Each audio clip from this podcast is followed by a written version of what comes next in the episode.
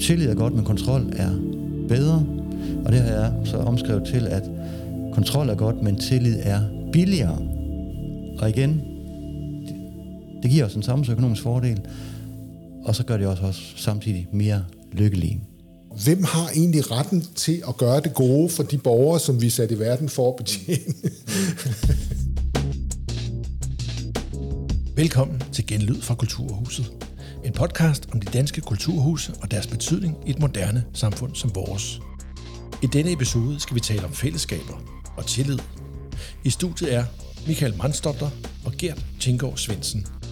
Vært er leder af Kulturhæftet og Tolkammeret i Helsingør, Søs Krog, Vækkelsø. Velkommen til dig, Michael, og velkommen til dig, Gert. Tak.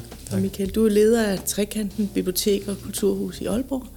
Og Gert, lige for at få sat dig på landkortet, du er professor ved Aarhus Universitet i statskundskab og forsker blandt andet i tillid. Men jeg kunne godt tænke mig at starte lidt med dig, Michael. Øhm, vil du ikke sætte et par ord på, hvad Trekanten er i Aalborg? Hvad jo. laver I der? Altså, vi arbejder med kultur, viden og teknologi, mm. som vi prøver at, at, at bruge som kulturel ramme for, for de her møder. Så har vi en stor sal, hvor vi laver alt muligt. Vi danser, vi synger, vi spiller teater, vi øh, har koncerter, vi har line dance, øh, vi har folkedans, vi har spillemandsmusikaftener og alt muligt. Alt muligt forskelligt. Og derudover så arbejder vi jo øh, sådan ret målrettet med, med henholdsvis øh, formidling af viden og formidling af teknologi. Altså det bedste ved at arbejde i et kulturhus, det er jo, at øh, der aldrig der er aldrig to dage, der er ens. Altså, og netop når man har den her tilgang med at sige, jamen, vi, øh, vi møder borgerne, vi snakker med dem, vi prøver at facilitere dem, prøver at være sociale værter for dem. Hvad tænker I om det at være social vært? Altså et, et, et professionelt værtskab kan tit være bundet øh, op på nogle, nogle, nogle regler og nogle rammer og nogle måder at gøre tingene på. Mens det sociale værtskab i virkeligheden ligger fokus over på modtageren, altså du, som kommer ind i kulturhuset, og som har en eller anden, øh, eller måske ingen dagsorden for at komme ind i kulturhuset, og så lige pludselig øh, blive mødt med, jamen, hvem er du? Hvor kommer du fra? Hvad har du lyst til? Hvad drømmer du om? Hvad kunne du godt tænke dig? Så på den måde er det en, en, en lidt anden måde at gå til det her værtskabsbegreb, som ikke handler om øh, profitmaksimering, øh, men som handler om øh, social maksimering. Så Gert, hvis du lige skal sætte nogle ord på, hvad er tillid, og så måske bagefter kan vi tale om, hvordan er tillid i relation til, til det, vi lige hørte fra, fra Michael i forhold til det med at være en, en vært, som arbejder med, med det sociale som, som kittet. Mm. Kort kan man definere tillid som risikoen for at blive snydt. Og det vil sige, at jo højere tilliden er i et samfund blandt mennesker, jo lavere er risikoen for at blive snydt. Så det, det egentlig handler om, er jo at øh, forudsige andres adfærd. Lever andre op til forventningen. Og det vil sige her i øh, Michaels tilfælde, så kommer borgerne måske med nogle forventninger øh, til kulturhuset, og så forsøger kulturhuset at leve op til de forventninger, og gør det det, hvad jeg er helt sikker på, at øh, det gør øh, danske kulturhuse typisk, jamen så skabes der jo en øh, win-win situation. Man kan sige, at borgerne kommer jo frivilligt hen til kulturhusene og får noget ud af det. Ellers ville de nok lave noget andet. Og kulturhus får også noget ud af det. Begge parter får noget ud af det. Og så får man en win-win situation og et samarbejde i gang. Og summen af alle de der vellykkede win-win samarbejder, det er noget, der vil noget så. Det er sådan mange begge små gør en stor å. Så det er det, der bonger ud på nationalregnskabet til syvende og sidst. Plus at vi også bonger ud som et af verdens øh, lykkeligste lande. Og det er faktisk det, som tillid fremmer det er det gode samarbejde i et samfund på en uformel måde, hvor man ikke behøver at skrive en masse ting ned og have en masse regler og ditten og datten og tidskrævende aktiviteter af forskellige art. Så kører det bare. Og øh, det er noget, som generelt også præger hele vores samfund, at vi kan lave de her øh, uskrevne samarbejder i rigtig høj grad. Øh, det øger vores øh, produktivitet, Øh, det har stor samfundsøkonomisk betydning, tyder alt på. Det gør os også mere lykkelige. Det er bedre at leve i et samfund med høj tillid, udover det økonomiske, at man sparer en masse penge, så øh, kan det også være oxytocin forbundet med et tillidsbaseret samarbejde. Så man er en del af et åbent netværk. Og når man møder andre i det åbne netværk, og kan samarbejde baseret på tillid, så producerer man et lykkehormon i kroppen, der hedder oxytocin. Det kaldes også for krammehormonet eller kærlighedshormonet, øh, og man bliver bare mere lykkelig og i bedre humør end før. Så det vil sige, at der er både øh, penge, men også lykke forbundet med tillid. Og der er vi så rigtig, rigtig heldige, at vi her i Danmark har mest tillid i verden. Så det kan være med til at forklare, hvorfor vi er så rige og så lykkelige, som vi er. Men du taler også om en tillid til institutionerne i samfundet. Så der er den her sociale tillid, men der er også noget med vækst, der kommer via tillid til institutionerne i ja, samfundet. Det hvordan, fun- hvordan kan vi sætte kulturhus i spil på den måde, eller er der overhovedet en sammenhæng? Altså kulturhusene, som jeg ser det, tjener umiddelbart som et, et vigtigt mødested i øh, det danske samfund. Altså hvor folk møder hinanden på kryds og tværs, hvor man kommer til at møde nogle folk, man ikke har mødt før. Og så begynder man jo at lave relationer, sociale relationer til de mennesker, man øh, møder for første gang. Og så lærer man i kulturhuset, og også andre steder, det kan også være et sportshal, jamen så lærer man jo der, at øh, man godt kan bygge bro til fremmede, og får nogle positive erfaringer med i rygsækken. Og det betyder, at øh, når man så har mødt nogen i kulturhuset, og at man har fået godt samarbejde i gang, og spiller i band med nogen, eller hvad man nu laver derhen, så øh, bliver det endnu nemmere næste gang at øh, bygge bro til andre fremmede. Fordi man har allerede nogle plusser med i ens erfaringer, med i ens statistik. Så man kan sige, at det virker dannende på den måde, at man bliver bedre og bedre til at koble sig på andre, også på fremmede. Og det er egentlig det, der er fundamentet for tilliden i samfundet, er det også det, du oplever i trekanten, Michael? Det gør jeg i mange tilfælde. Mm. Men jeg vil også sige, at vi er jo også i det lille foreningsdanmark. Øh, og, og kulturhusene lever jo meget i kraft af det her foreningsdanmark. Vi er jo tit og ofte et, et mødested for, for sociale foreninger, øh, som har sociale aktiviteter som omdrejningspunkt. Øh, dem har vi rigtig mange af. Og vi har også rigtig mange sådan håndværksmæssige forenings... Øh, altså folkeoplysningsloven spiller jo en, en væsentlig rolle i de brugere, vi har, og vi, skal, vi har en lovgivningsmæssig forpligtelse til at stille lokaler til rådighed til de her sammenhæng.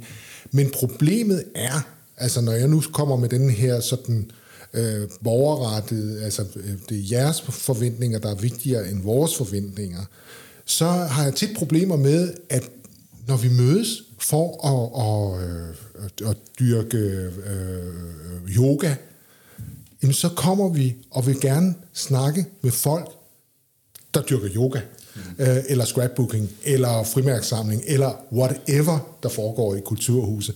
Mens, øh, mens det, som, altså, hvor vores lille foreningsdanmark, som vi er meget stolte af, i virkeligheden også bliver enormt ekskluderende, og dermed ikke nødvendigvis tillidsskabende, altså jo tillidsskabende indadtil, men mistillidsskabende udadtil, for hvad ved de andre? De har ikke de samme interesser som os. De gør noget andet end det, som vi gør. Øh, og det er lidt en udfordring i, øh, i den her kulturhus-kontekst. Øh, mm. Og igen, hvis man kan skabe nogle rammer, hvor man igen mødes på kryds og tværs, altså også blander de der grupper, som har forskellige interesser, øhm, så øh, er meget jo vundet.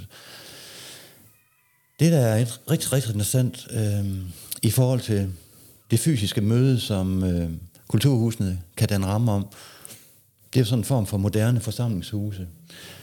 Og det er noget, som Grundtvig vil have sat stor pris på, øh, at vi har gang i det i dag stadigvæk. Og øh, kan mødes og egentlig lave aftaler, som vi vinder på, så det du siger, det i virkeligheden, at demokratisk dannelse, som kulturhusene udøver hver dag, det er også en god forretning. Det er en god forretning. Der ligger også en, øh, en tillidsdannelse øh, i øh, det fysiske møde, som mm. øh, kulturhusene vil være rammer om. Ja.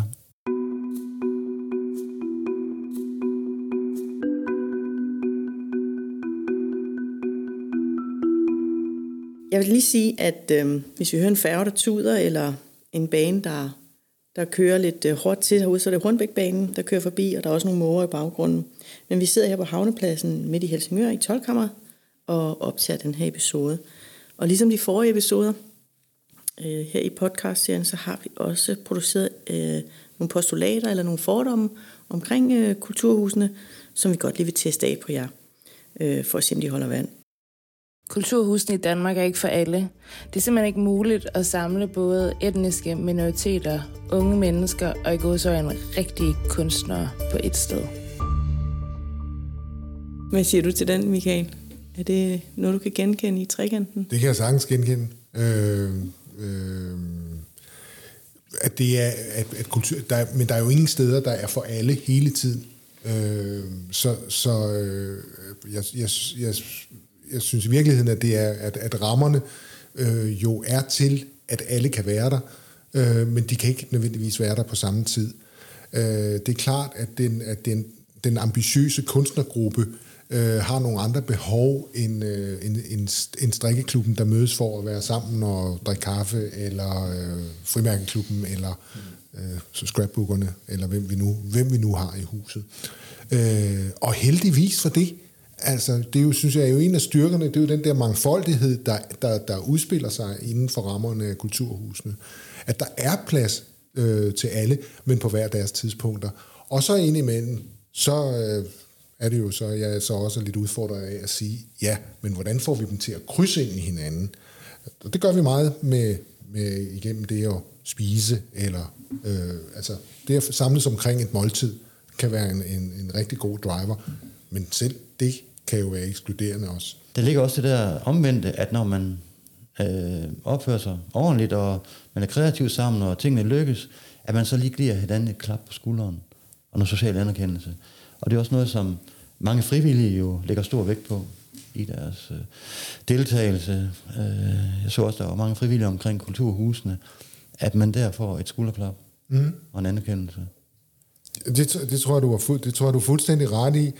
Øh, hvis, hvis det, men stadigvæk, hvis det er inden for rammerne af det fællesskab, vi kender. Øh, og, øh, altså, en, af, en af vores udfordringer, det er, at nu så, så prøver vi at sige, jamen mad kan være en god driver til at møde øh, folk med andre interesser, eller andre baggrunde, eller andre sociale øh, skills, eller hvad ved jeg. Øh, og der op, der oplever vi sådan, når vi så inviterer ind til en fællesspisning, vi spiser klokken 6, der vi prøvet, altså, og vi eksperimenterer stadig med, derfor er det også så spændende at være her på 12-kammeret i Helsingør, fordi jeg så jeg har lige kigget, da jeg kom ind, kigget på deres seddel omkring fællesspisning, hvordan er rammerne for det? For vi kan ikke, få det, vi kan ikke bare få det til at fungere, øh, netop fordi folk kommer med alle mulige forskellige forventninger, øh, og, og, øh, og i virkeligheden er det, at vi sætter os ned og spiser sammen en en, altså, øh, et spørgsmål om øh, manglende, måske manglende selvtillid nogle gange, mm. at vi, jamen, kan jeg, kan jeg deltage på lige fod med alle andre? Øh, så der kommer begrebet tillid og selvtillid, synes jeg, meget, meget godt i spil. Mm. Og netop man så får den der positive erfaring, at øh, man overvinder sig selv og kommer hen og deltager i fællesspisningen, og det lykkes, og man kommer til at tale med nogle af de andre, og og de spørger så, om kommer man så i morgen igen, eller hvornår det er næste gang, der er fælles spisning. Jo, det kan da godt være. Og så er der allerede etableret en relation. Og det er den der usynlige kapital, som tillid handler om. Det er en relation mellem mennesker. Og det er den, der mangler, når man skal forklare, hvorfor vi er så rige og så lykkelige, som vi er. Hvis vi ser på, hvad Danmark har, hvad andre lande har, jamen så kan man ikke forklare det alene ved hjælp af det, vi kan se, og det, vi har uddannelse. Der må være noget andet. En x-faktor et usynligt råstof. Og øh, den kommer så ind i billedet her. Er det begrebet kultur, eller er det, det, er, er det noget... Det kan man godt kalde kultur, fordi øh, det, der jo sker her, er, at der bliver talt om nogle gentagende adfærdsmønstre. Og det vil sige, når man kommer i et spor, et tillidsspor, som vi har befundet os i øh, i århundreder i Danmark, jamen så bliver det noget, man gentager. Det bliver noget, som forældre skoler, kulturhuse, andre institutioner overfører til, der, til børnene og de nye generationer. Og der er det meget, meget vigtigt, igen, man mødes på kryds og tværs, og at også øh, ældre, ældre generationer møder de yngre generationer, så er de her normer, de her uskrevne spilleregler for, hvad god opførsel er, for eksempel et ord et ord, vi kan lave et håndslag, og det er en aftale, mere behøver vi ikke, jamen at det skal overføres til de yngre generationer. Hvis ikke, så hopper kæden af, og de yngre generationer begynder at få nogle andre normer end de ældre. Øh, det kan være, at de får nogle endnu bedre normer, så er det jo fint nok, men det kan også være nogle gange, at de får nogle øh, lidt mindre heldige normer, og får måske mere upersonlige forhold til andre mennesker, og den der mødekultur, vi har i Danmark, hvor vi ser hinanden ansigt til ansigt og mødes, som her i studiet ikke også, og sidder over for hinanden, at det er noget særligt, som øh, vi skal holde fast i for os og bevare tilliden. Postulatet taler jo lidt om det her med, om der er noget ekokammer over kulturhusene, men det gør ikke noget, der er et ekokammer, så længe der også er noget samme eksistens af de her forskellige brugere. At, er det sådan, man skal læse og se kulturhuset, at det i virkeligheden er en ramme for, at nogle gange er det et ekokammer, og, og, men at det kan rumme det ekokammer, og så svinge det over til noget sammenhængskraft i sin samlede sådan, øh, øh, i sit samlede perspektiv. Det synes jeg, jeg, synes, jeg, synes, jeg synes det, er, det, det er jo ikke et spørgsmål, man kan sådan svare på entydigt, men, men, men, men, men ideen og tanken er jo rigtig, rigtig god, og det er også det, vi oplever hver dag, at vi er, og, og det er også det, der konstituerer det, at vi går på arbejde i et kulturhus hver dag, er jo det, jamen vi, vi skaber rum og rammer for den demokratiske, øh, udviklende samtale, øh, og, vi, og vi skaber ekokammer for forskellige strømninger i, i samfundet. Men omvendt, så vil jeg så også sige, at en af vores udfordringer, det er jo det her med, at vi er, vi er også bundet ind i nogle øh, institutioner, altså nogle institutionelle rammer, som, som indimellem kan, kan sætte nogle begrænsninger øh, for os. Øh, jeg kommer fra et, et kommunalt kulturhus, og vi er organiseret på 100 forskellige måder. Øh, men især også øh, som, som, som kommunale kulturhus, vi har kæmpe problemer med, at øh, jamen, den opgave, vi løser, er der nogle andre, der har en anden opfattelse af, at vi skal løse på en anden måde, eller vi skal ikke løse det for dem, som vi kommer til at løse det for. Altså, for eksempel børn og unge, der sidder der nogle fritidscenter rundt omkring, som synes, jamen det er jo os, der skal løse den her. Og hvor der godt kan blive sådan en, en mærkelig konkurrence om, hvem har egentlig retten til at gøre det gode for de borgere, som vi er sat i verden for at betjene. ja. Men igen er det jo også øh, vigtigt her, at, øh, at man uddelegerer. Og det vil sige, at øh, man skal jo øh, kan man sige, minimere kontrollen og reguleringen og give plads, så man kan træffe øh, lokale beslutninger. Man har jo selv informationen, kan man sige, ude lokalt. Hvad er bedst at gøre i den givende situation? Det er svært, hvis der sidder nogen langt væk og skal styre, hvad der skal foregå i, helt konkret i et kulturhus, og måske behandler alle, som var de ens over hele landet det, man kalder en one-size-fits-all tilgang. Og det kan være svært at passe ind i mange steder, fordi øh, kulturhusene er forskellige, og der er forskellige øh, lokale miljøer.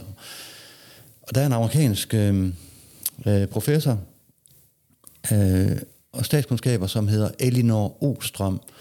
Hun fik Nobelprisen i 2009 i økonomi som den første kvinde, og den første statskundskaber for øvrigt, for øh, sit arbejde med selvregulering at øh, man skal selv have lov at prøve først, og se, hvordan det går. Og hvis det går, jamen, så er der ingen grund til, at man kommer og blander sig, fordi øh, der træffes formentlig endnu bedre beslutninger, når man selv får lov lokalt og decentralt at øh, bestemme, hvad der skal ske, og hvad der er bedst. Og øh, det andet er, udover at man måske har mere information lokalt, så er det også billigere, fordi skal man have tredje part ind over hele tiden, en anden myndighed ind over det hele hele tiden, jamen det koster jo penge, der skal ansættes en masse folk til det, og så videre. Og det koster penge at ansætte dem, plus den tid, man selv skal bruge på at blive reguleret. Og hvad gør man? Udfylder valideringer af forskellige arter, øh, tsunamier af valideringer. Og det handler, handler det om at finde en rigtig balance mellem kontrol eller tillid. Og der, fordi vi netop er verdensmestre i Danmark og har mest tillid i verden, så kan vi nøjes med mindst kontrol i verden. Og det skal vi være rigtig bevidste om, at vi trykker på tillidsknappen frem for kontrolknappen. Jeg har jo omskrevet øh, Lenins berømte ord i øh, den lille bog øh, Tillid. Øh, Lenin sagde engang, at tillid er godt, men kontrol er bedre. Og det har jeg så omskrevet til, at kontrol er godt, men tillid er billigere. Og igen, det, det giver os en samfundsøkonomisk fordel, og så gør det også os samtidig mere lykkelige.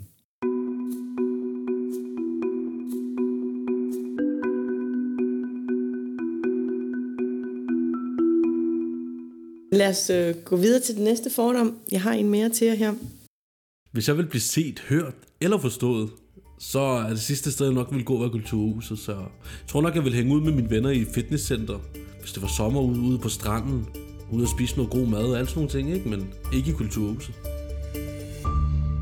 Der er nogen her, som mener, at de ikke kommer i kulturhuset. Er kulturhuset op imod, at folk bruger deres tid på rigtig meget andet? Er der en gunst? Kæmper vi om, om noget opmærksomhed? Og, og er vi overhovedet relevante nok øh, i forhold til sådan en øh, brugergruppe? Skal jeg svare først på det? Det vil jeg gerne. Ja. Øhm, jeg, øh, jeg, jeg tror indimellem, jeg tror indimellem vi, ja, som, som jeg før har sagt, så, så kan vi også være vores egen værste fjende.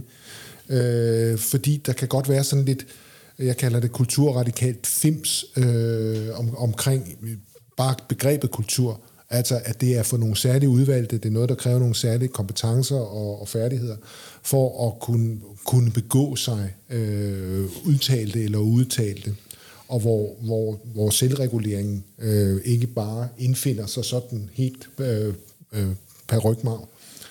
Øh, og der tror, jeg, der tror jeg, vi har en kæmpe udfordring i at få, få, få kommunikeret og få åbnet op. Øh, og nu sad vi her inden øh, udsendelsen og snakkede om det her med øh, kulturhusene, som, som godt kan, kan have et behov for at, at, at finde den der hvad hedder det, øh, institutionelle ramme, noget lovgivning, et eller andet, altså at, at kulturhuse ser ud på en bestemt måde i, i, i statslig sammenhæng, øh, hvor jeg nok er meget tilhænger af, at, at det, det skal vi ikke. Vi skal ikke det, det skal ikke være one size fits all. Øh, der skal være plads til det lille frivillige forsamlingshus, der skal være plads til det store, forkromede, øh, professionelle kulturhus, som er i stand til at lave de større kulturelle øh, udtryk, og så skal der være det, der er ind imellem, og som kan fagne både dem med den etnisk baggrund, og med andre interesser, og med og, få, og på den måde få pillet kulturfimsen af. Altså, det, det, vi, skal, vi skal også huske, at meget af beslutningsrammen for det her er jo truffet af folk, der, der ved, hvordan man går og spiser pindemad og drikker hvidvin. Øh, øh, og det skal vi gøre, hvad vi kan for at komme af med. Så man kan sige, det er, handler om kultur for folket. Det er et åbent sted, hvor alle er velkomne.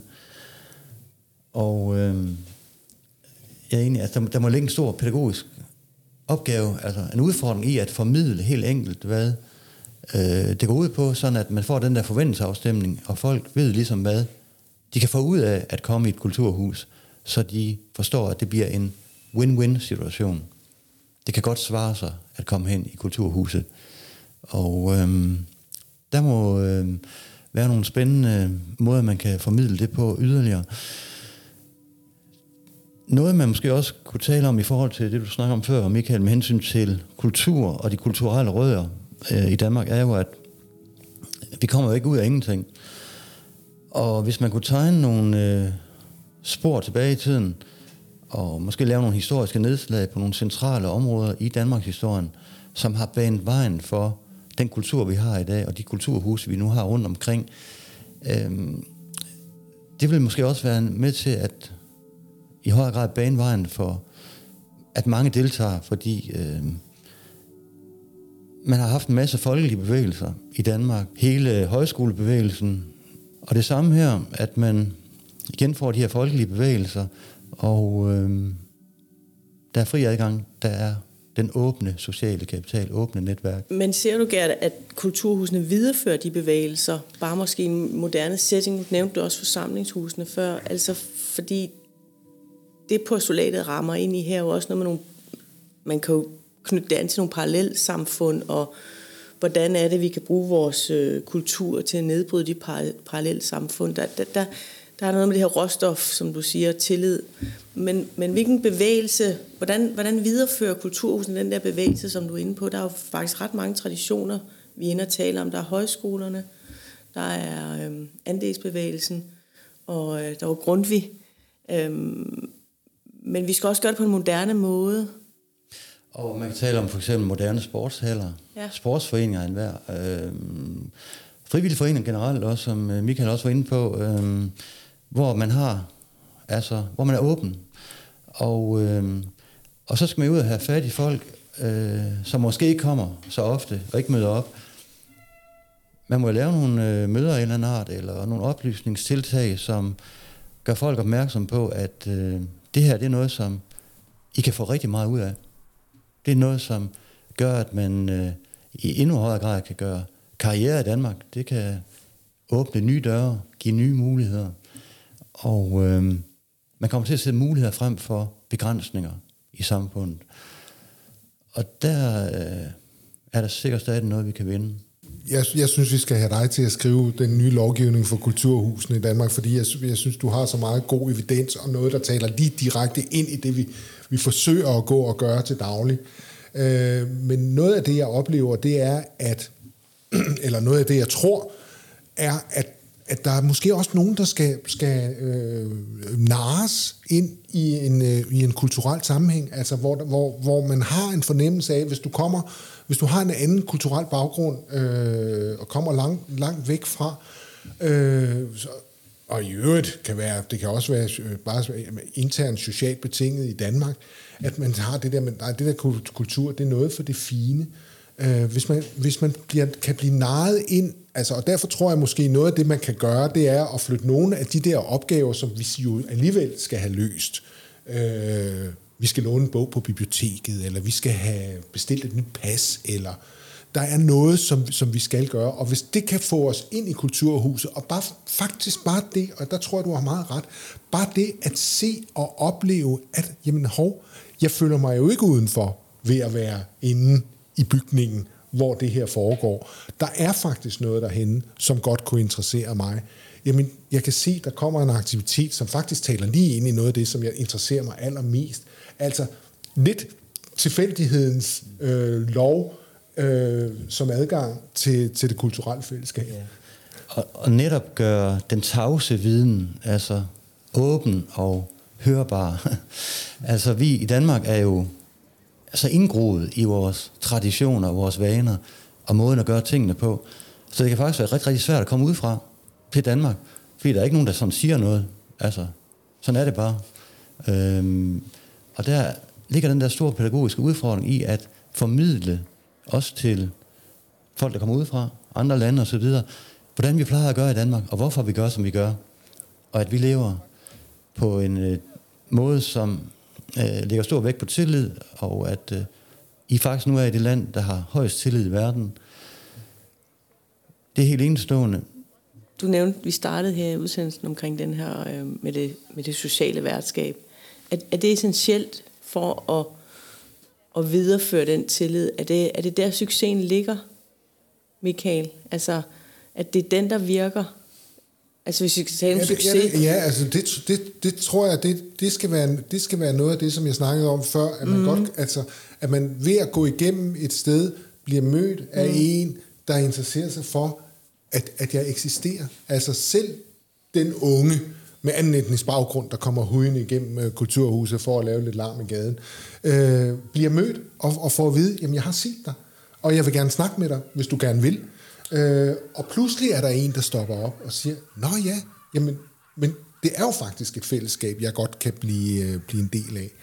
Mm. Øh, så på den måde øh, tror jeg meget på det her med, med det sociale, at, at, at det, ikke, det er ikke vores perspektiv på værtskabet for at optimere på, på øh, øh, en eller anden institutionel ramme, men, men det er øh, med fokus på, hvad optager, og hvad er en mulighed for borgeren. Mm. Er der hilsepligt Altså, jeg prøver, jeg prøver at fortælle mit personale, at vi hilser på alle. Øh, og jeg har som mål, og, jeg har også, og det står i vores virksomhedsplan, at øh, der er ikke nogen, der går igennem trekanten, uden at være blevet hils på. Sådan.